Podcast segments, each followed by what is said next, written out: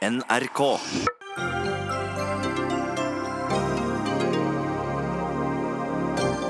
Forslag til ny asylpolitikk for Arbeiderpartiet lagt fram i dag. Oppsiktsvekkende har Theat brukt så lang tid på å komme fram til det vi har ment i mange år, sier Fremskrittspartiet. Får pasientene et bedre helsetilbud ved at vi bruker 40 milliarder skattekroner på å bygge ut Oslo universitetssykehus? Det strides ledelsen og de tillitsvalgte om. Ungarn kan miste stemmeretten i EU-parlamentet, trykket på EU-samarbeidets atomknapp i dag. Utenriksministeren frykter utviklinga i Europa. Og trenerduo går til søksmål mot Rosenborg etter det de kaller en usaklig oppsigelse.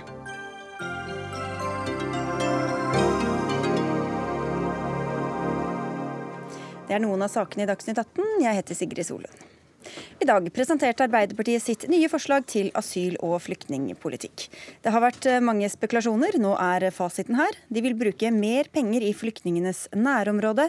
De vil ta imot flere kvoteflyktninger, men være strengere med familieinnvandring og gi færre opphold på humanitært grunnlag. Masud Gharahkhani, du ledet dette utvalget som er kommet fram til denne nye politikken.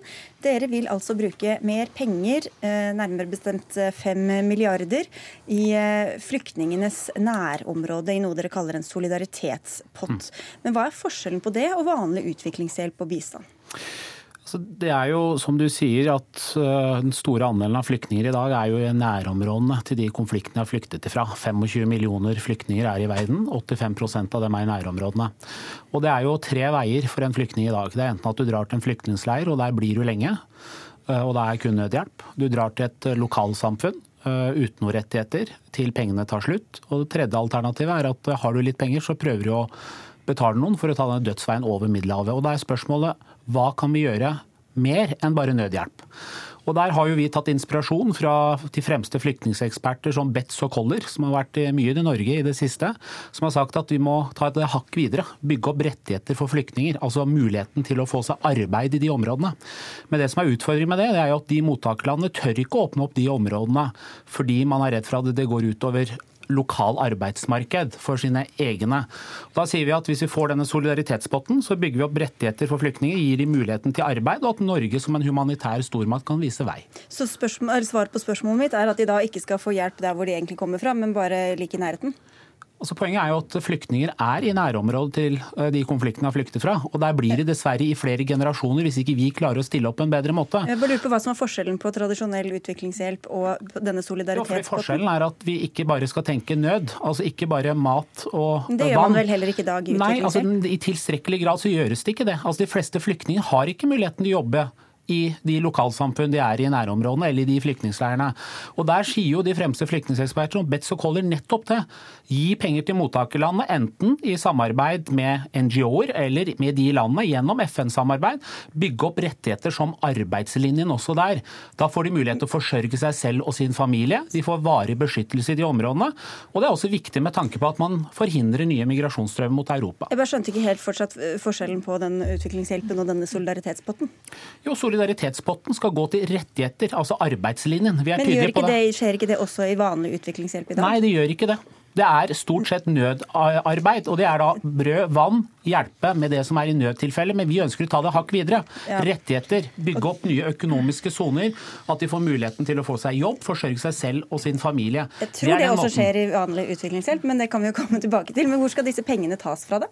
Vi har sagt at eh, færre asyl ved grensen, fordi vi ønsker å prioritere flere kvoteflyktninger. Men færre asyl ved grensen kan vi frigjøre noe penger. Det skal gå til dette. Vi ønsker å også omprioritere innenfor det bistandsbudsjettet på 36-37 milliarder. Det er ingen tvil om det at eh, flyktningsproblematikken kommer til å være vedvarende. Det er en stor del av den internasjonale politikken i tiden fremover at Norge også må vise vei. Rettigheter, nye muligheter. Okay. Så også fra bistandsbudsjettet for et, inn i denne, denne Ja, og at okay. når man har en 1 %-mål på bistand og øker den årlig, så bør også en del av de pengene da settes inn som friske midler.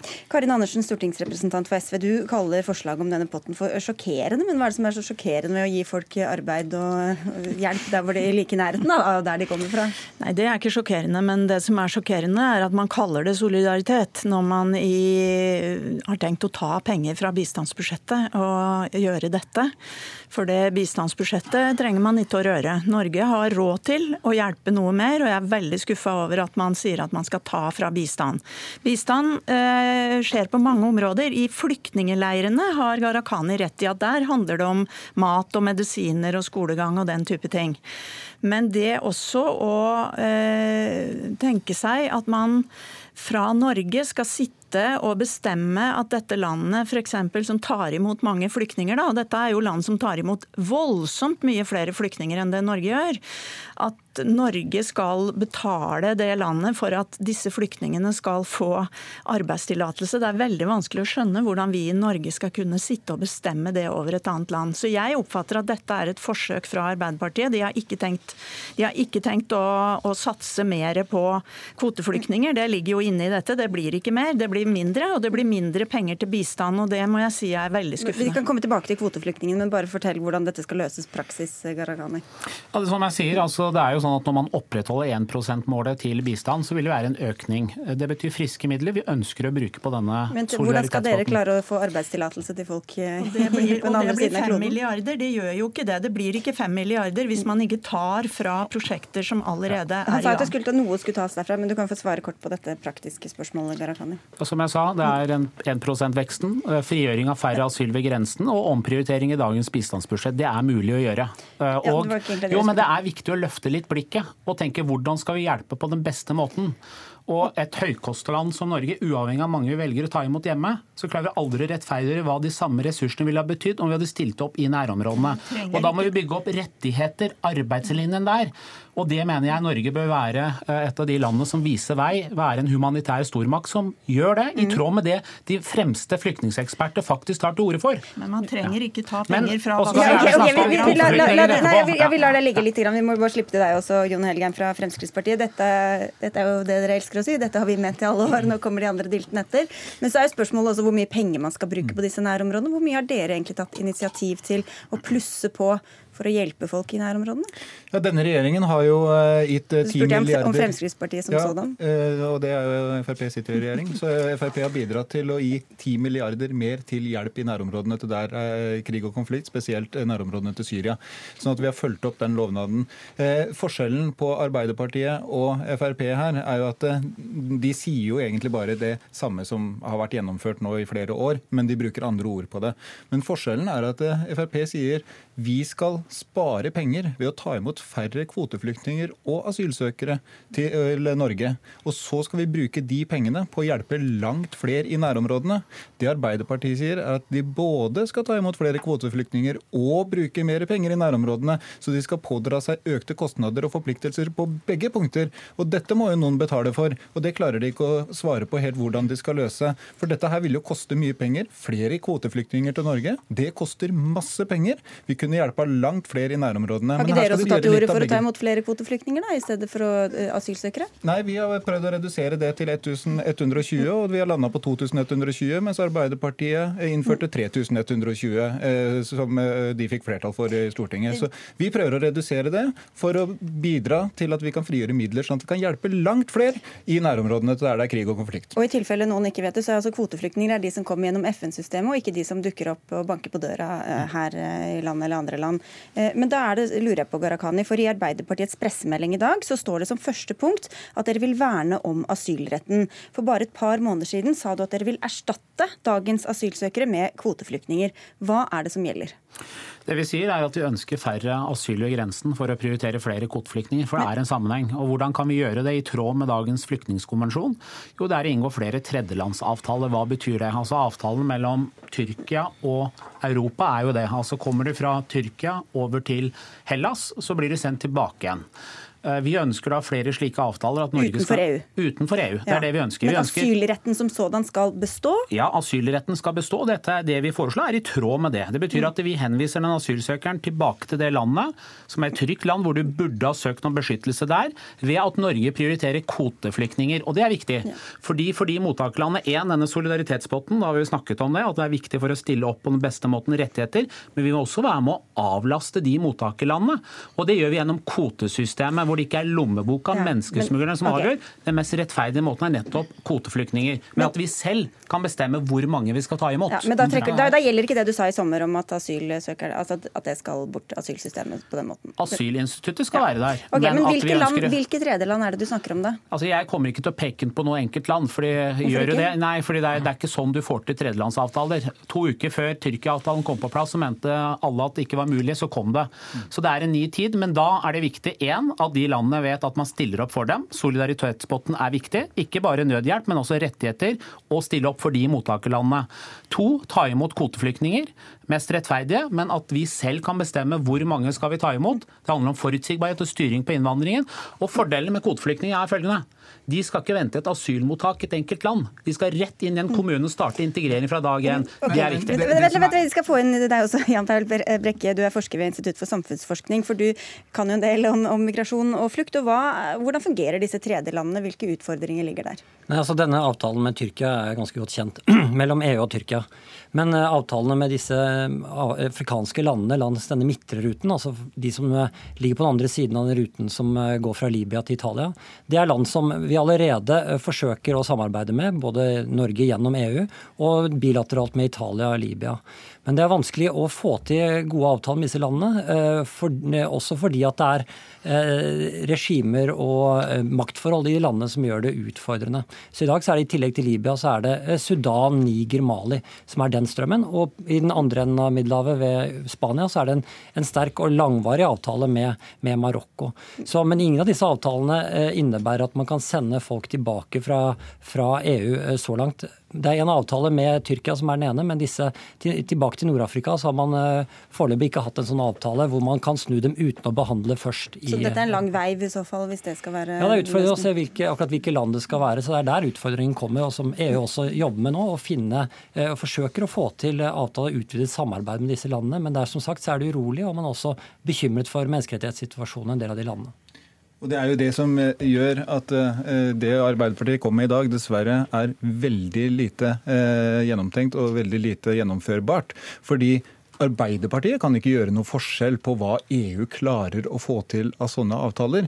Det er veldig lite Arbeiderpartiet kan uh, gjøre der, men alle prøver jo å få det til. Så det er, ja, så dere er egentlig helt enige? ja, det skiller seg ikke så, på noen ting. Forslag, dette, er dette er bare å kalle uh, gamle ting for nye ting, uh, så dette er ikke noe nytt. Okay. Men det de sier er at de skal redusere asylankomstene til Norge, og at det er sånn de skal få frigjort midler. Men asylankomstene til Norge har ikke vært så lave siden 90-tallet. Vi har gjort det som kan gjøres vi, for å redusere asylankomstene til Norge, og lykkes veldig godt med det. Derfor er det ikke troverdig at de kommer til å redusere det heller. Da sitter vi igjen med to ting. Det stanses på grensa til Europa, så derfor så kommer de ikke ja, da, da, sitter, da, sitter, vi igjen eh, med to ting. Mm. Det er at de tar imot flere kvoteflyktninger. Det blir økt innvandring til Norge og økte kostnader. Det er summen av det Arbeiderpartiet har lagt fram i dag. Det, for Dere har en slags sånn felles pott hvor, som gjelder den totale innvandringen. sånn Hvis det kommer mange asylsøkere, blir det færre kvoteflyktninger og motsatt. og mm. Familiegjenforening er også en bit av det? Ja, altså det vi sier er at uh, I et tillitssamfunn som Norge er, så må vi gjennom det å snakke med kommunene. Hva er bosettingsmulighetene i kommunene? Eh, hva er velferdssamfunnets bærekraft, altså integreringsevne til Norge? Og den internasjonale situasjonen kommer frem til at dette klarer vi årlig og over tid. Det handler om å ha en innvandringspolitikk som samler Norge og nasjonen, ikke splitter oss. Og da sier vi asyl ved grensen, familiegjenforening for de som da får flyktningstatus, og kvoteflyktninger. Hvor avtalen er jo færre mm. asyl ved grensen automatisk skal bety flere kvoteflyktninger. Okay, nei, men, nei, nei, jeg vil bare dra inn. Nå må dere vente litt, her, for jeg skal spørre Karin Anders om dette. For dette er jo faktisk eh, noe som mange tar til orde for, altså sier at dagens asylsystem system, ikke bare fra Arbeiderpartiet eller Frp. Det fungerer ikke. ikke det er de som har ressurser, som klarer å komme seg opp hit, mens de fattigste de klarer ikke det. Så hvorfor ikke satse mer da på kvoteflyktninger, jo, hvor vi kan kontrollere det? Helt, det er SV helt enig i. Men dere vil ha begge deler? Vi vil at vi skal si til FN og være, forplikte oss på et visst antall framover hvert eneste år. Arbeiderpartiet snakker om at de skal satse på FN og på kvotesystemet, men de vil jo ikke forplikte seg til noen verdens ting. Og hvis man skal satse på FN også, så må man høre på hva FN sier. Når FN kommer i Stortinget og sier at de lovendringene som nå Arbeiderpartiet har vært med på, de bryter den asylretten som Arbeiderpartiet nå sier de skal verne om. F.eks.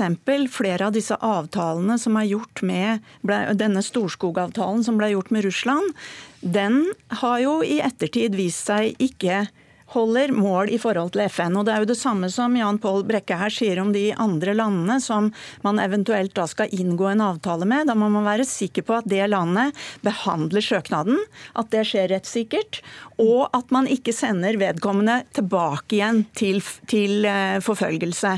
Og Det er viktig fordi Arbeiderpartiet har vært på vill glideflukt når det gjelder å liksom drive privatpraktiserende fortolking av flyktningekonvensjonen lenge. Og dette de presenterer nå, er videre på det sporet. Og det er ikke å satse på FN. Da svekker man okay. FN. For Norge må stå på de fortolkningene som FN sjøl har. Jeg, jeg, vil inn på et punkt til, men du kan få svare veldig kort på det, Gharahkhani. Ja, altså, I dag så har jeg lagt merke til at uh, Venstre mener dette er inhumant og okay, veldig strengt. Jo, men Frp mener at uh, dette er liberaliserende, og SV kritiserer, så tenker jeg da er vi der vi skal ja, okay. være. Sosialdemokrat. Jo, men poenget ja, men, Det var ikke liksom ikke et svar. Jo, Nei, men, da vil jeg heller videre til et ja. annet punkt, uh, som er dette med at du vil ha et midlertidig altså, Du skiller mellom et skal vi kalle det et A- eller B-lag, det er jo ikke det dere sier, men beskyttelse til de som er individuelt forfulgt, og andre som skal ha subsidiær beskyttelse. altså Bl.a. som skal få midlertidig opphold og ikke få eh, mulighet for familiegjenforening. Eh, Jan Paul Brekke, hva, hva, vet vi om hvordan dette fungerer, både dette med midlertidighet og at man ikke får hente familiemedlemmer da, til, mm. til altså, når det gjelder midlertidighet, så er det to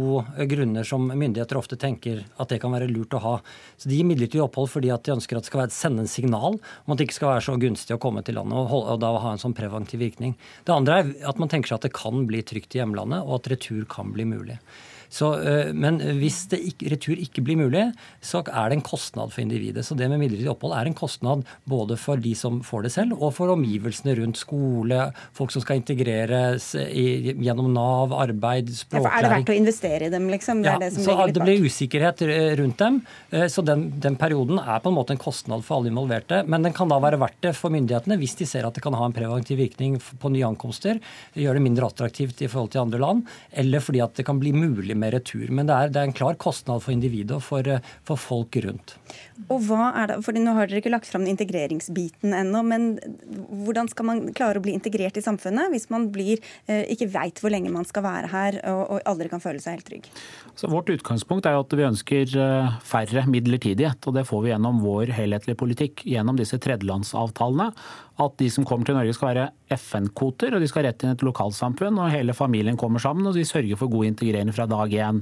Så sier vi at når vi har en politikk, altså hvis vi ikke har en tredjelandsavtale hvor vi kan returnere deg, så sier vi at vi må ikke ha en politikk som skiller seg fra våre naboland. Fordi vi ønsker færre asyl for å kunne prioritere flere kvoteflyktninger. Så dette skal, det er preventive Jo, men det er viktig. fordi hvis vi ser på f.eks. Sverige, som i 2014 og 2015 tok imot 200 000 asylsøkere. Eh, så har jo de gjort endringer på nettopp det. At er du individuelt forfulgt, så får du fulle rettigheter å bli. Er du da ikke individuelt forfulgt, altså subsidiær beskyttelse, så får du midlertidighet, begrensning på familiegjenforening. Det er viktig for oss. Og for, for, å si en ting til. Jo, fordi det som er poenget, det er at hvis vi skal følge dagens praksis, så vil de 3,7 millioner syrerne som er i Tyrkia, hadde de klart å komme til Norge, så ville alle fått fulle rettigheter å bli. Det hadde ikke gått. Asylinstituttet hadde vært på bristepunktet. Og istedenfor å gjøre inhuman for alle, så må vi ha presis tolkning av det for å faktisk gjøre Jeg kunne holdt på lenge, Du får en veldig kort kommentar. Er det noe vi ikke skal se til når det kommer til innvandringspolitikk, så er det Sverige. Men det som uh, På denne biten vil dere vel egentlig det, da? Det som Masud tar opp her, er jo egentlig Jo, men vi gjør det i dag. Det er sånn at alle asylsøkere som får uh, opphold i dag, de får midlertidig opphold. Sånn at uh, dere skal bruke midlertidig opphold i større grad. Det brukes på veldig mange grupperinger, og du sa det i din presentasjon tidligere i dag, at ja, dette gjelder en veldig liten gruppe. Du klarer ikke å redusere tilstrømningen til Norge med noe sånt nå. Eh, man må gjøre helt andre grep, som vi altså, sikkert rekker å diskutere. Dere, vet dere hva, mine herrer, Vi er nesten nødt til å avslutte. Dette er et så langt lerret å bleke. Jeg tror vi må fortsette på det en annen gang. Vi får si tusen takk i denne omgang Masud Gharahkhani fra Arbeiderpartiet, Jan Paul Brekke fra uh, uh, Institutt for samfunnsforskning, Jon Helgheim fra Fremskrittspartiet og Karin Andersen fra SV. Dagsnytt 18 alle hverdager kl 18.00 på NRK P2 og NRK2. Det er jo andre ting som skjer ute i den store verden. Eh, I dag fikk EU-parlamentet nok og trykket på EU-samarbeidets såkalte atomknapp. Et flertall i parlamentet sa nemlig ja til å anbefale aktivering av traktatens paragraf 7. Og det sier kanskje ikke helt seg selv hva dette innebærer, europakorrespondent Guri Nordstrøm. Hva betyr dagens hendelser for Ungarn og for EU? Denne avgjørelsen er et klart signal til Ungarn om at EU ikke lenger finner seg i den manglende demokratiske utviklingen som skjer der. For EUs del så blir det sett på som en seier at de i dag klarer å vise at de faktisk er en organisasjon som er tufta på demokratiske verdier. Utviklingen i Ungarn har bekymret mange lenge, og i dag så viser EU at de ønsker å gjøre noe med det, og at de har flertall for å sette i gang en prosess mot uh, Ungarn. Så sånn sett er det en seier for EU, som har blitt kritisert for at de har vært for sene på ballen her. Hva er det Ungarn har gjort som har fått EU til å, eller EU-parlamentet til å gå til dette skrittet? Ja, utgangspunktet for avstemningen i dag var en 72 sider lang rapport som beskriver den demokratiske utviklingen i Ungarn. Eh, siden statsminister Viktor Orban kom til makten i 2010, så har rettsvesen, frivillige organisasjoner, universiteter, media og det sivile samfunn ellers gradvis fått mindre frihet og mindre uavhengighet. Eh, dette viser ikke bare den rapporten som lå til grunn i dag, men også rapporter både fra FN og Organisasjonen for sikkerhet og samarbeid i Europa. Noen eksempler er frivillige organisasjoner som blir forfulgt og stemplet som utenlandske agenter. Eh, Central European University som ligger i Budapest og som ikke lenger får bestemme selv hvilke fag de skal undervise i. Og for å trekke ut noe av det konkrete som Urban og hans parti beskyldes for, så er det at de har erstattet uavhengige dommere med dommere som er mer lojale mot regjeringen. Medlemmer av regjeringen beskyldes også for å ha brukt EU-midler på seg selv og sine venner og familie. Vi skal komme inn på litt mer av dette om litt, men først til deg, utenriksminister Ine Riksen Søreide. Hvor alvorlig mener du det er, det som skjedde i dag, og bak, bakteppet der? Vi har en veldig sterk bekymring for utviklinga i mange europeiske land eh, nå. Og det gjelder jo særlig de områdene som Guri Norsem nevner i sin opplisting, men det gjelder også flere. Eh, og vi ser at det er en, en økende tendens til å bruke argumenter om å beskytte nasjonal suverenitet mot en elite, og det er en tendens til å legge skylda for det som ikke går bra i land, eh, bl.a. på migrasjon. Og det, det ser vi som et ganske tydelig bilde som avtegner seg i mange land nå, og som eh, er grunn til bekymring. og Nettopp derfor er det jo viktig at EU i fellesskap også tar den type diskusjoner. Eh, vi har jo for så vidt en, bare en liten del av det siden vi ikke er EU-medlem, men vi har EØS-midlene som vi bruker veldig tydelig til å sette krav om at eh, midler til sivilt samfunn skal forvaltes uavhengig av myndighetene i et land, som et bidrag til å styrke sivilsamfunn og, menneskerettighetsorganisasjoner. Ja, og hva, Disse midlene da har bl.a. gått til Ungarn. Hva sier Norge nå om, eh, om muligheten for Ungarn til å motta de midlene? Vi er jo i en forhandlingsprosess, og vi har ikke konkludert den ennå. Men kravene fra oss og de andre giverne, som er Island og, og Liechtenstein, er veldig tydelige. At reglene for den, denne delen som omhandler sivilsamfunnsstøtte, den skal forvaltes uavhengig av myndighetene. Og det er rett og slett fordi det skal være en mulighet til å støtte opp under aktivitet som eh, både gagner hele samfunnet, som kan være et korrektiv. Eh, og særlig i de situasjonene som vi ser i flere land nå, så er jo sivilsamfunnet sivilsamfunnsmidlene som kommer gjennom EØS-pengene, noe av de eneste økonomiske støtten som kommer til, til sivilsamfunn. Dette kjenner du godt til, Jon Peder Egnes. Du er generalsekretær i Amnesty International Norge og har tett kontakt med, med Amnesty i Ungarn. Hvordan har de merka den utviklinga som har vært der? Ja, De har jo merket den på mange måter, og, og veldig konkret. 12. Eh, i år så holdt uh, talspersonen for Fidesz, dette partiet til Orban, en pressekonferanse utenfor kontordøra vår, uh, der han både beskyldte Amnesty for å være en, altså hjelpe illegale migranter inn i landet og ha koblinger til terrorister. Julia Ivan, min eh, ungarske kollega, var eh, en av de som fikk navnet og e-posten sin smørt utover et regjeringsvennlig magasin, der de ble pekt ut som fiender av staten. Eh, og Jeg har snakket med henne rett før jeg kom hit nå, og nå har trollene allerede startet i Ungarn, og beskylder Amnesty og henne for å stå bak denne beslutningen i EU. At de er som har kampanjet den fram. Noe vi for så vidt kan si at vi har vært med på å gjøre, men, eh, men det er vi for så vidt glad for. Men, men, altså da i en eh, svært ubehagelig tone. Så, så, det er, og det gjelder selvfølgelig ikke bare Amnesty, det er Helsingforskomiteen, det er veldig mange andre som opplever det samme. Hva er det Ungarn har vedtatt som, som påvirker blant andre dere? Ja, De har jo da vedtatt en del lover som begrenser veldig sterkt Eh, hva vi kan arbeide med. Det er en lov som sier at dersom du hjelper illegale migranter, og det er veldig vanskelig å definere hva det er. Betyr det folk som ikke får innvilget asyl hvis de har søkt om det? Det vet vi ikke. Så kan man dømmes til inntil ett års fengsel. Og det er helt åpenbart, vi har fått noen juridiske betraktninger i Ungarn, at våre ansatte står i fare for å få det. Eh, dersom man mottar midler fra utlandet, Eh, og jobber med, med, migrasjon og med utlendinger, så skal man betale 25% av de midlene i skatt.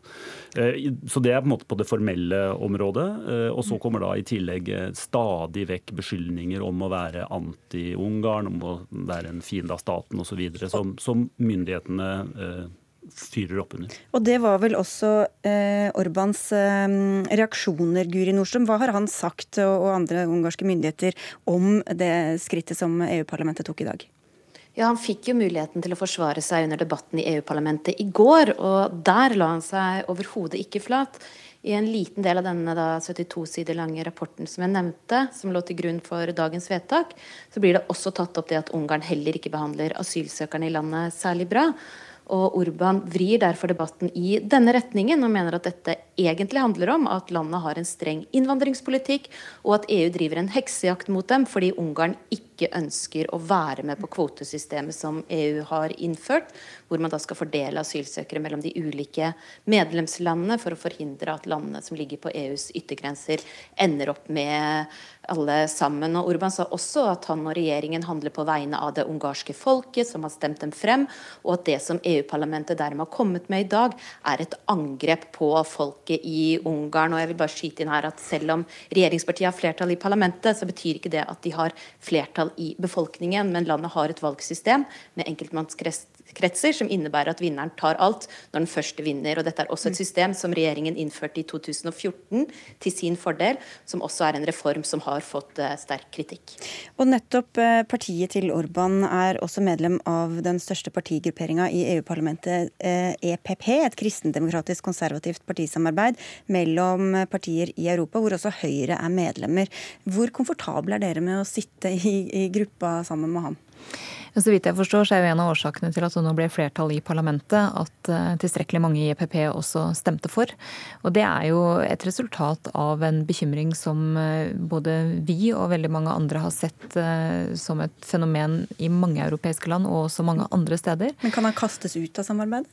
Ja, Det er jo EPP som eh, må beslutte, jeg vet ikke helt hvordan reglene for det er. Men det at denne avstemminga kommer, det at det er såpass mange fra EPP, også toneangivende mennesker som bryter ut, det er et, det er et veldig viktig signal. Eh, og når europeiske politikere som da er EU-medlemmer, har instrumenter å bruke, så er det viktig at de tar de debattene. Hvordan de stiller seg til spørsmålet om artikkel 7, sanksjoneringer osv., det ligger jo noe lenger fram i tid, for det er flere prosesser som skal gå fram til det eventuelt blir aktuelt. Men bare det at det har kommet såpass langt med et såpass overveldende flertall, er et veldig viktig signal. Og akkurat nå så er jo de grunnleggende menneskerettighetene, frihetene, under betydelig press veldig mange steder, også nært oss. Eh, den normative funksjonen og det vi har vært vant til å se på som helt grunnleggende og, og ikke minst universelt, og som de fleste har vært enige om, er under, under angrep mange steder. Og da er det viktig at vi som eh, europeiske land også uh, erkjenner at det skjer ganske nært oss, ikke bare langt unna. Og det som skjer i Ungarn nå, det har jo Polen allerede vært igjennom også. Egnes, hvordan ser dere på utviklinga der? Nei, Vi er veldig bekymra for den også. Eh, den er ikke fullt så altså Den er mer teknisk på et vis. De driver og bytter bytter ut dommere, førtidspensjonerer dommere og setter inn sine egne osv.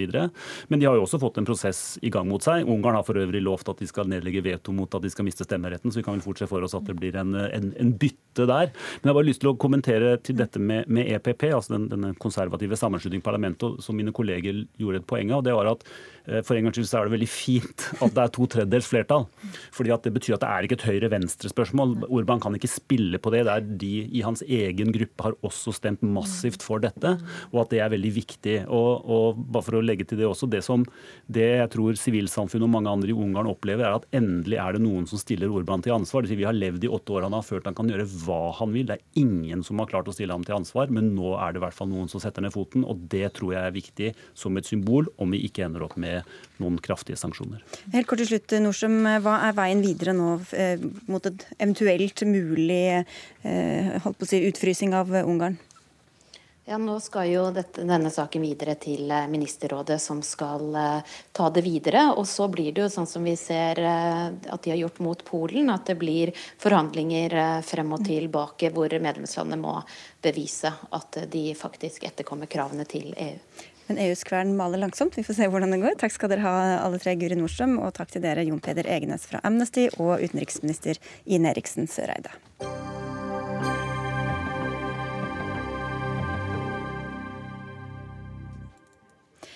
Nå skal vi plukke opp tråden fra i går, da vi diskuterte tidenes sykehusutbygging her i Norge, som i dag har en foreløpig prislapp på drøye 40 milliarder kroner.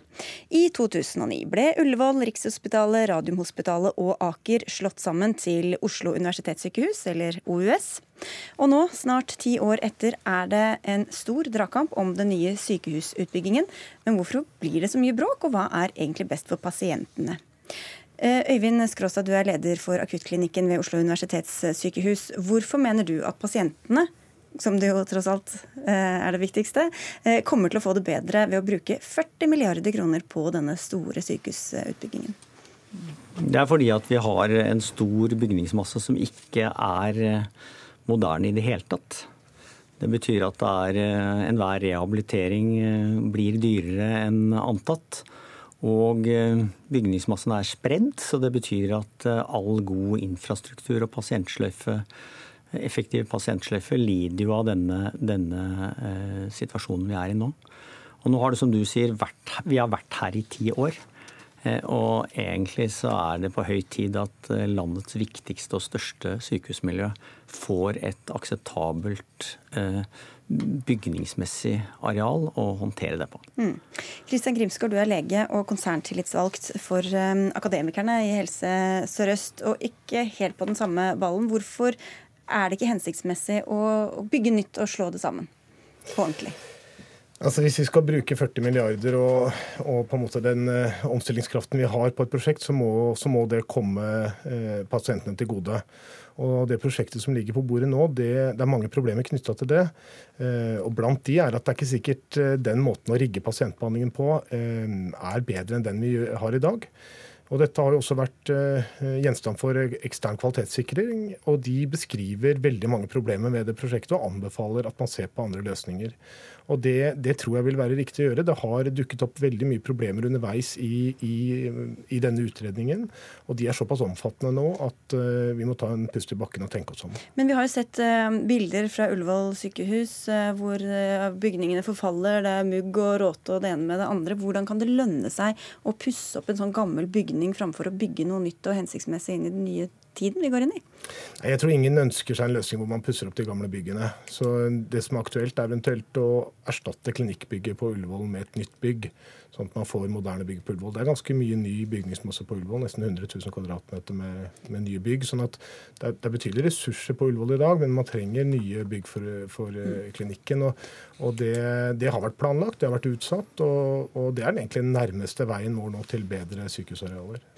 En ting er jo bygningsmassen, en annen ting er jo de faglige miljøene og hva som er mest hensiktsmessig der. Skråstad, du sier at du frykter at gammel kulturuenighet er med på å hindre prosjektet. Hva tenker du på da?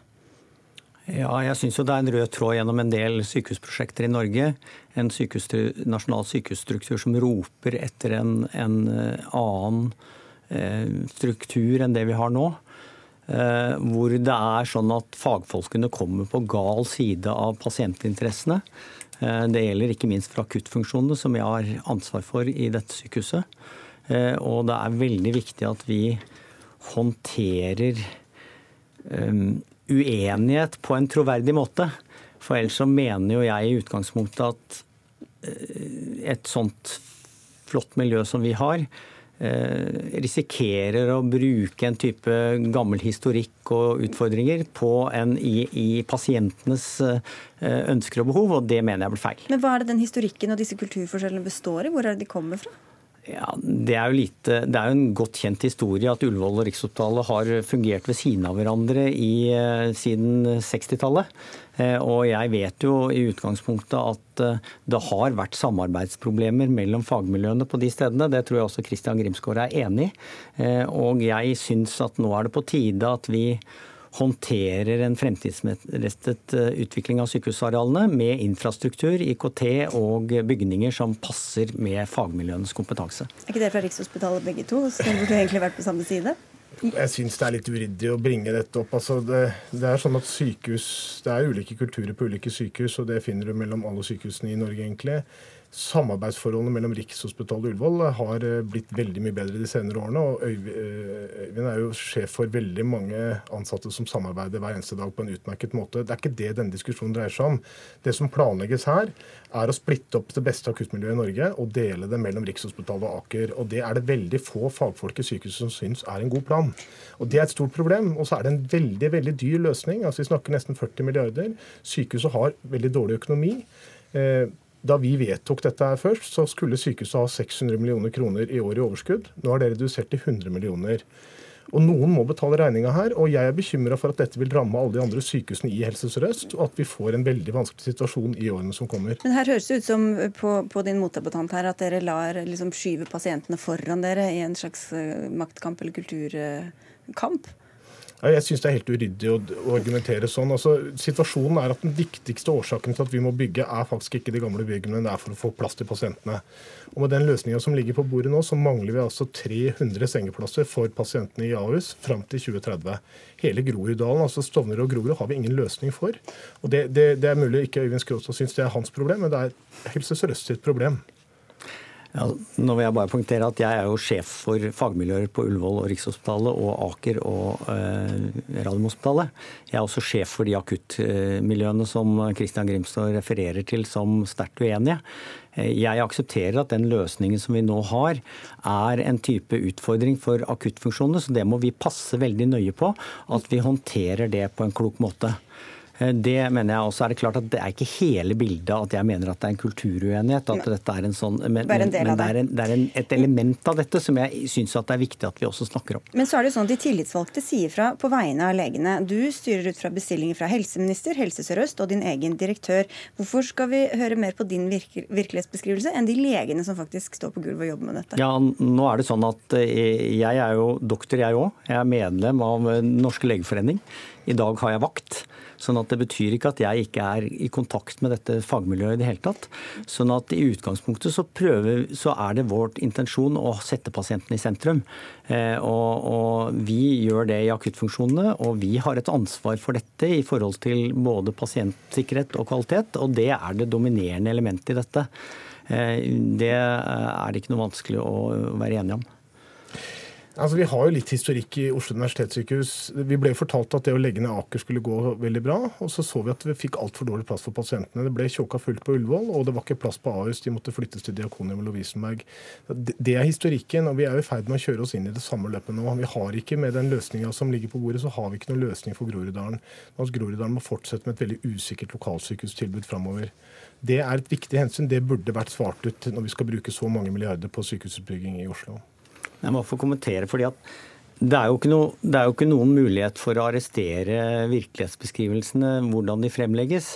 Det er, no, det er jo, klart at Vi lager jo ikke nå et sykehustilbud som overser Groruddalens befolkning. Eh, vi har, vi har, jo beregninger for sengeantall og ressursbruk. Eh, så vil det alltid være uenighet om kapasitet og forsvarlighet og beredskap. Det har jeg et overordnet ansvar for. Så det har vi testet ut ved flere anledninger, også i 22. juli, og nesten hver dag gjør vi det. Så, så utfordringsbildet her er nødvendigvis ikke å ikle de nye løsningene uforsvarlighet eller kapasitetsmangel, for det fortjener det ikke. Men at det vil være uenighet om rammene 10-15 år frem i tid, det er, må vi bare akseptere. Men mener dere at, at, de opererer med riktige tall her? Altså, vi snakket jo i går om hvor mange senger som trengs, og hva man egentlig skal planlegge for. Det, det er vanskelig å følge dem, fordi det kommer nye tall hver uke. og Det illustrerer jo kanskje at dette prosjektet er ganske umodent. Men det som ikke har vært eh, dekket inn her, da, det er problemene ved Ahus. Hvor, hvor, de altså beregner at de trenger nesten 300 flere senger fram til 2030. Det er, det, er, det er, noe vi må ta inn over oss og ha en løsning for. for Hvis ikke vi gjør noe med det, så blir det helt kaotiske situasjoner i, i området. Og bare for å minne om det, så er det jo for det første veldig mange det gjelder som bor i østlandsområdet, men også uh, Ullevål og de andre sykehusene er jo også sykehus for resten av landet. bare sånn til alle mm. som tenker at her var det veldig lokalt. Og så må jeg også få si at Vi planlegger jo for en løsning som innebærer en over 200 000 nye sykehuskvadratmeter fordelt på to sykehus. Så helt sånn umulighetsperspektiv når det gjelder areal og kapasitet, det det tror jeg det er uhensiktsmessig å spre ut i befolkningen. Her er det veldig mange meninger og veldig mange følelser, og det er en stund igjen til sykehusene eventuelt skal stå klare. Vi får si takk for denne runden også, Øyvind Skråstad, leder for akuttavdelinga ved Oslo universitetssykehus, og til deg, Kristian Grimsgaard, som altså er konserntillitsvalgt i Helse Sør-Øst.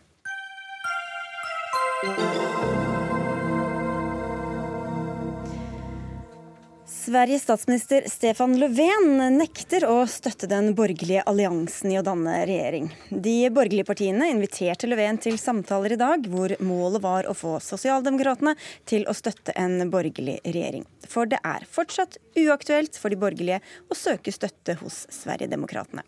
Eirik Veum, du er utenriksreporter og er i Sverige nå. De er egentlig ikke fortsatt ferdig med å telle stemmer engang. Hva er situasjonen nå? De driver fortsatt og teller forhåndsstemmer og disse utenlandsstemmene.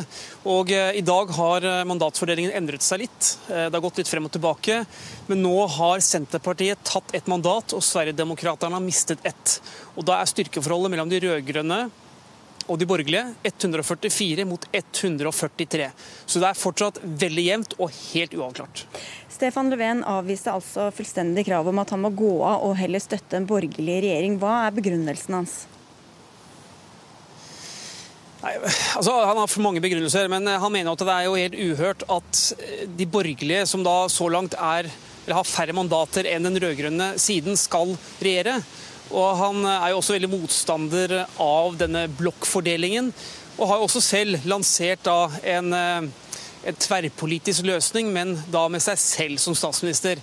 Så det var en kontant avvisning. Det eneste partiene i og for seg er enige om, det er stort sett bare én ting, og det er å holde Sverigedemokraterna utenfor all svensk politikk. Ja, nettopp. På, på, det svenske nettstedet Val Digital ser vi den røde og den blå bokken kløyvd i to av et stort gult kakestykke hvor det står Sverigedemokraterna, som ikke får med, være med i eh, den borgerlige alliansen. Men hvordan reagerer folk i Sverige på, på dette?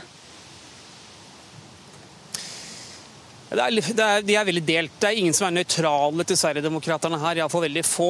Eh, og mange er nok sjeleglad for at Sverigedemokraterna holdes utenfor foreløpig, og håper at de skal forsvinne like fort som de, de ble store. Og uh, forakter jo alt partiet står for. Men så er det også mange uh, skribenter, kommentatorer, og mange av dem er ikke nødvendigvis sympatisører av partiet, som påpeker at når man sender et signal om at en, nesten én av fem velgere, den stemmen de har avgitt, den er bortkastet. For det partiet de sympatiserer med, det er det ingen som vil snakke med. Er det heldig for et demokrati, er det da flere som spør. Skaper det mer forståelse og dialog, eller skaper det mer splittelse og avstand, som er et problem her i Sverige? Og Det er jo interessante spørsmål å diskutere her. Takk skal du ha, Erik Veum. Eh, kommentator i Dagbladet Marie Simonsen, hva slags spill på høyt nivå er det vi ser eh, i Sverige nå? Ja, Utenfra så ser det jo, ser det jo litt pussig ut. Eh, det er litt sånn belgiske tilstander. Det siste vi hørte, var jo at Ulf Kristersson, lederen av Moderaterna, sa at det er ikke sikkert de får en regjering før jul. Så det man ser, er jo at begge de to blokkene blokkene, eh, altså de tradisjonelle blokkene, prøver nå å fremstille det som om de selv liksom har et uh, sikkert mandat og driver et psykologisk spill som jo uh, ikke har så mye med realiteten om hva som kommer til å skje når Riksdagen samles, men som skaper en uh, slags legitimitet i opinionen og blant kommentatorer som mm. meg og, og, slike ting. Så de prøver å få, få det over på sin side. Men enn så lenge så har jo dette mislykkes ganske kraftig, og det var jo dette merkelige utspillet fra alliansen hvor de nærmest mente at Stefan Löfven skulle være støttespiller for en borgerlig regjering, var jo dømt til å mislykkes. Ja, det, er litt vanskelig å skjønne logikken, eh, Magnus Takvam, politisk kommentator i NRK. Hvorfor mener den borgerlige alliansen at det er naturlig at de tar over, når de har, i hvert fall sånn som det ser ut nå, et, eh, et mandat færre enn de rød-grønne? Altså, veldig mye av dette handler om å vinne opinion og vinne legitimitet for å være den som bør overta regjeringsmakten i befolkningen. Og timingen her uh, var jo slik at alliansen visste at det kommer snart et endelig valgresultat som ja, som kanskje gir de rødgrønne, de tre rød-grønne partiene overtaket. Og, og, da er det klart at, altså Med ett mandat, kanskje, bare, men tross alt et overtak som er viktig nok. Og Da tror jeg en del av logikken til uh, alliansen var å skal vi si, uh, bearbeide opinionen slik at de fikk fram at det var ikke noe viktig. Det var ikke noe mm. viktig denne, denne, før resultatet kom, for å ta, ta, momentumet vekk fra det. Så Den typen eh, taktiske vurderinger tror jeg ligger bak. Og så har de da en eh, logikk som tilsier at det er kun de som sitter i regjering man skal regne mandatene fra. slik at Da så... kutter man ut Venstrepartiet i den rød-grønne blokken, og da er de eh, borgerlige alliansepartiene uansett større. Så, så, så, det er noe av forklaringen. Eh, men så er det klart at dersom man skal ha et budsjett dette blir litt teknisk, men det er viktig nok. Altså Hvis du skal ha et statsbudsjett, som er det viktigste vedtaket en riksdag og en nasjonalforsamling gjør, eh, gjennom, så, så er det den blokken som er størst, som får det budsjettet gjennom. Og er alliansen mindre enn de rød-grønne, så risikerer de ikke å få gjennom budsjettet sitt. Så det er eh, viktig, denne, den, dette styrkeforholdet. Mm. Og dette handler jo litt om Sverigedemokraterna også. Jeg ser ikke bort fra at Stefan Löfven eh, håper at han skal presse igjennom at eh, alliansen faktisk må prate med Sverigedemokraterna, og at det blir et slags sånn historisk gjennombrudd. For apropos dette å få igjennom budsjettet, hvis det er sånn at stortingspresidenten eh, vil gå til alliansen og spørre om de skal danne regjering, så må de sannsynliggjøre at de får igjennom budsjettet, og da må de jo i så fall ha ha en slags avtale med Sverigedemokraterna. Ja, for hvordan kan de oppføre seg da i, i, i Riksdagen, det tilsvarende Stortinget, når det kommer til stykket? Nei, det er jo øh, Alle uttalelser hittil etter valget øh, tyder jo på at for Sverigedemokraterna så Altså, de tar ikke hensyn til liksom øh, finurlige spilleregler. De har sagt fra før valget at de kun vil støtte en regjering som gir dem tilsvarende gjennomslag som, som antall stemmer som velgerne har, har, gitt dem. Slik at de har ingenting å tape, og de fleste mener at de kan bare de kan blokkere enhver regjering og har ikke noe å tape på at det blir et nyvalg. Sånn at uh, hele situasjonen er jo krevende for alle her. Hvordan kan de forholde seg til Sverigedemokraterna, Simonsen? Jeg, jeg, tenker at uh, her i Norge så hopper vi over et par ledd fordi vi sammenligner nå med Frp som sitter i regjering. Uh, så er alle veldig påpasselige med å påpeke at Sverigedemokraterna og Frp er to forskjellige partier, eller i hvert fall har forskjellig utgangspunkt. Uh, og så i neste omgang så sammenligner man det direkte. Det er nok et godt stykke til frem før Sverigedemokraterna er spiselige å snakke med. Det handler ikke bare om den svenske politisk korrektheten. at det ikke med dem. Det er jo rett og slett et parti hvor man har en eh, eh, ideologisk eh, ståsted som er veldig krevende å samarbeide med for demokratiske partier. Og det har jo gjennom hele valgkampen faktisk blitt eh, tatt eh, avslørt tillitsvalgte på høyt nivå blant Sverigedemokraterna som har nær kontakt med høyreekstreme miljøer. Så det er ikke snakk om liksom en sånn man ser med Frp av og til, at det er noen som dummer seg ut på Facebook en lørdag kveld, men, men det er altså sterke ideologiske strømninger her. Det jeg kan legge til, er at det er mange observatører som i dag f.eks. har påpekt at Eh, de etablerte partienes avstandstagen til Sverigedemokraterna er hyklerisk. Altså, eh, alle de sju andre partiene sier inntil videre at de ikke vil ha noe med dem å gjøre. Men i flere viktige voteringer så har eh, begge sider, på begge sider av bordet har de brukt Sverigedemokratenes stemmer mm. til enten å blokkere eh, skatteforslag f.eks., som de rød-grønne greide, ved hjelp av Sverigedemokraterna og tilsvarende. Slik at eh, den typen eh, skal vi si, dobbeltkommunikasjon fra de etablerte partiene, også med å skal vi si, undergrave eh, tilliten til den linjen, den, den, strenge linjen de har nå. sånn at her, her møter mange seg sjøl i døra. Og så er det jo det at uh, alle sier at Sverigedemokraterna ikke har noe innflytelse på svensk politikk, men det har de selvfølgelig hatt. Det har jo vært en dramat dramatisk eh, kursendring i svensk politikk, ikke minst når det gjelder innvandring. Og vi så her tidligere i dag, så, eh, tidligere Dagsnytt 18, så hadde vi Arbeiderpartiets eh, innvandringsutvalg her. Og eh, Masud Gharahkhani eh, var jo hele tiden viste til hva som skjedde i Sverige og i Danmark. Og det var derfor Norge må ha en strengere asylpolitikk, fordi at de har strammet inn i Sverige, f.eks. Det har blitt en stor del av norsk politikk, altså. Ja, det skyldes jo Sverigedemokraterna i stor grad. Men eh, vi har jo vært så spente på disse utenlandsstemmene sånn som telles opp nå, men ut fra den logikken de legger til grunn i Sverige, så virker det jo nesten som om ikke det spiller noen rolle om det ene mandatet går hit eller dit. Jo, altså jeg tror eh, det er riktig at man kan tolke det sånn, men nå, nå de siste opptellingene Vi sitter jo og følger med på mobiltelefonen liksom på, på hvert minutt. Så du sjekker ikke tekstmeldinger? Det nei, det du holdt på med? Nei, men altså eh, Det er klart at med den retorikken Löfven har lagt opp til eh, for å sitte med makten og ikke gå av, så bygger han mye på at de er den største blokken. Og det er klart at implisitt Dersom da det skulle skifte til den borgerlige alliansen, så blir det veldig vanskelig for han å fortsatt insistere på å sitte. Så da tror jeg han vil eh, gå av.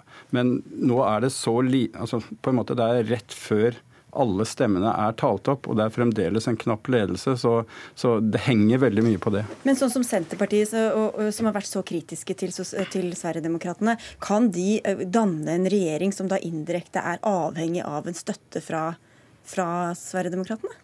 Det, det, virker jo usannsynlig, og det er derfor man eh, snakker om at på lengre sikt, da, hvis dette virkelig drar ut sånn som det ligger an til nå, at det skal vare helt frem til jul, at uh, det blir en slags på tredje, andre, tredje forsøk, at uh, man til og med man snakker om at det kan oppstå en Bondevik-regjering, f.eks. med Annie Løv, eller i hvert fall at Senterpartiet og, og liberalerne vil støtte Stefan Löfven, en rød-grønn regjering. Og når eh, er de ferdige med å telle, tror du, Magnus? Nei, de, det blir sagt at man kanskje har et såkalt foreløpig resultat i, i, dag, eller i kveld, men at man eh, på en måte må ha den siste kvalitetssjekken eh, og, og, kan først presentere det offisielt på fredag. Så, så det må, må, vente kanskje litt til. Mye tid til spekulasjoner fortsatt, altså. Takk skal dere ha, Magnus Takvam og Marie Simonsen fra Dagbladet. Hør Dagsnytt 18 når du vil. Radio NRK Radio.nrk.no. Nå til et litt uvant Dagsnytt 18-tema. Den tidligere trenerduoen i fotballklubben Rosenborg, Kåre Ingebrigtsen og Erik Hoftun, har trukket sin tidligere arbeidsgiver for retten for usaklig oppsigelse og bruk av arbeidsavtaler som strider mot arbeidsmiljøloven.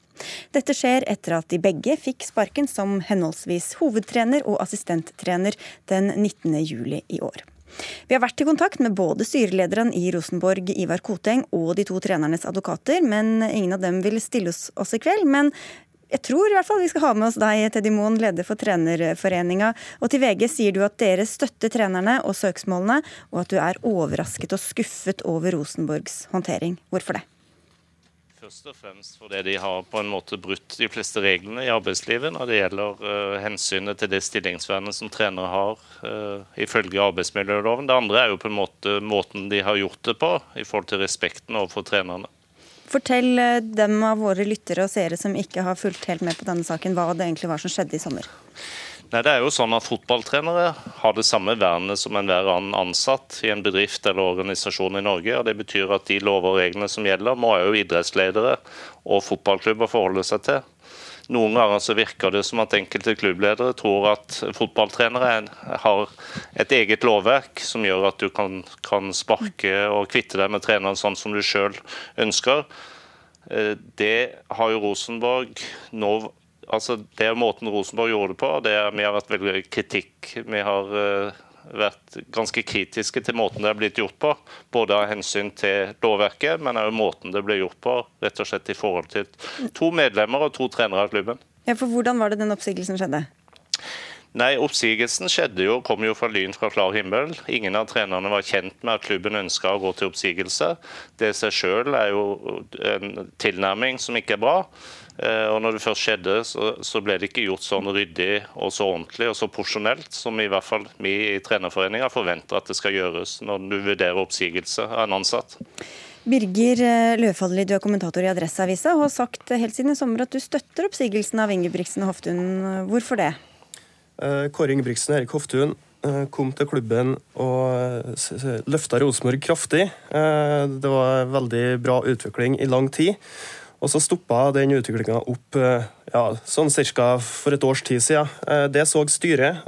Det så òg en del rundt klubben. Eh, styret valgte å ta grep. De, at, de mente det var riktig å bytte ut hovedtreneren eh, i sommer. Det, skjedde, det var uventa at det skjedde på det tidspunktet, men jeg syns det var eh, riktig å gjøre det da. Og så er det jo det mm, man er uenig om nå, da. det er jo måten det her skjedde på.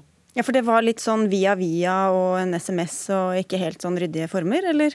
Nei, altså, eh, Jeg tror det er eh, mye som ikke har kommet fram rundt akkurat det. Eh, det er to sider av den saken. Men det er klart, når en ser på det situasjonen nå, med det konfliktnivået som er mellom partene nå, så er det klart at det er grunn til å stille spørsmål ved det. Men samtidig jeg tror det er vanskelig å gjennomføre en sånn prosess uten at noen blir misfornøyd på et eller annet nivå. Og det kan jo hende, Teddy Moen, eh, at Rosenborg sitter på informasjon som kanskje ikke du eller jeg kjenner til, men som berettiger en sånn eh, type oppsigelse? Eh, det kan godt være. og Derfor er det jo ganske godt at vi har et rettssystem og vi har en domstol nå som eventuelt vil kikke nærmere på saken. og Der vil jo etter hvert komme en dom i denne saken. og Der vil jo begge parter få anledning til å fremme sine synspunkter i saken. og Til slutt så vil det jo avgis en dom, og da vil vi jo se hvem som på en måte sitter på de beste kortene. Og I denne saken her, eh, foreløpig har ikke vært mulig å løse uten å gå den veien. og Derfor støtter vi et eventuelt søksmål for å få alle ting på bordet, og for på en måte få en god debatt da, i offentligheten og i fotballmiljøet i forhold til er det sånn vi ønsker at det skal være. For eh, fotballtrenere har de samme stillingsvernet som andre, sier Trenerforeningen her, altså Løfaldli. Men er du enig? Er det, er, det, eh, er det sterk nok i dag, sånn som det praktiseres? Nei, Det er jo interessant, og det er jo veldig prinsipielt interessant hvis denne saken havner for retten. Eh, for Rosenborg så vil det sikkert skape mye støy, men, men sånn, i den store sammenheng så har det jo vært veldig interessant å fått en sak rundt det. Spørsmålet er jo Eh, topplederen her, da, en, Hvis en betrakter Kåre Ingebrigtsen som en toppleder, er det sånn at topplederen kan eh, bli enig på forhånd om å forhandle seg bort eh, fra stillings, deler av stillingsvernet ved å få en kompensasjon når en avslutter kontrakten, f.eks. Sånne spørsmål er jo interessant. Vet vi om det har skjedd i dette tilfellet, eller? Nei, Det kommer fram lite detaljer rundt det, mm. så det er ikke klart for meg iallfall. Mm. Så det er noe av det som kan komme fram i en eventuell rettssak, da? Ja, ja, eh, og annen, et annet poeng er jo Erik Hoftun, som slett ikke var noe øverste leder i klubben. Hva stiller sånne ting seg for han? Eh, sånn som jeg forstår jussen, så er det kun eh, den øverste leder som har mulighet til eller der det er mulighet til å forhandle seg bort fra akkurat det vernet her. Da. Mm. Eh, så Sånne spørsmål det har vært interessant å få opp. Du er altså kritisk til eh, jussen her, eh, Moen, men også moralen, eller den fraværende moralen. Hva, hva tenker du på da? Ja, jeg syns jo det. Altså, det er klart at Fotballklubber er ikke bedrifter, det er foreninger. Og Det har på en måte en kultur og et lovverk ikke sant, som skal ivareta en del av idrettens og fotballens grunnleggende verdier. Mm. Og Et av de verdiene som gjelder idretten, det er bl.a. kameratskap, solidaritet og det å ta vare på folk. Og det er klart at Her snakker vi om to av klubbens største profiler, tidligere som spillere og som trenere, som òg har levert sportslig fantastisk de sesongene de har vært. Det er klart Måten de blir behandla på, er interessant. For det sier noe om respekten for fotballtrenere og fotballtrenerens rolle. Og I denne saken her så syns jeg det er ganske klart at Behandlinga av Erik Hoftun og Kåre Ingebretsen har ikke vært i tråd med de forventningene som trenerforeninga har i forhold til respekten for treneren. Er du enig Løfaldli, at her har det vært slett moral ut ute og gått fra Rosenborgs side? Jeg har gjerne ville ha hørt uh, begge sidene før jeg gir en bastant konklusjon på det. Men en kan jo si sånn grunnleggende at man skal behandle folk skikkelig.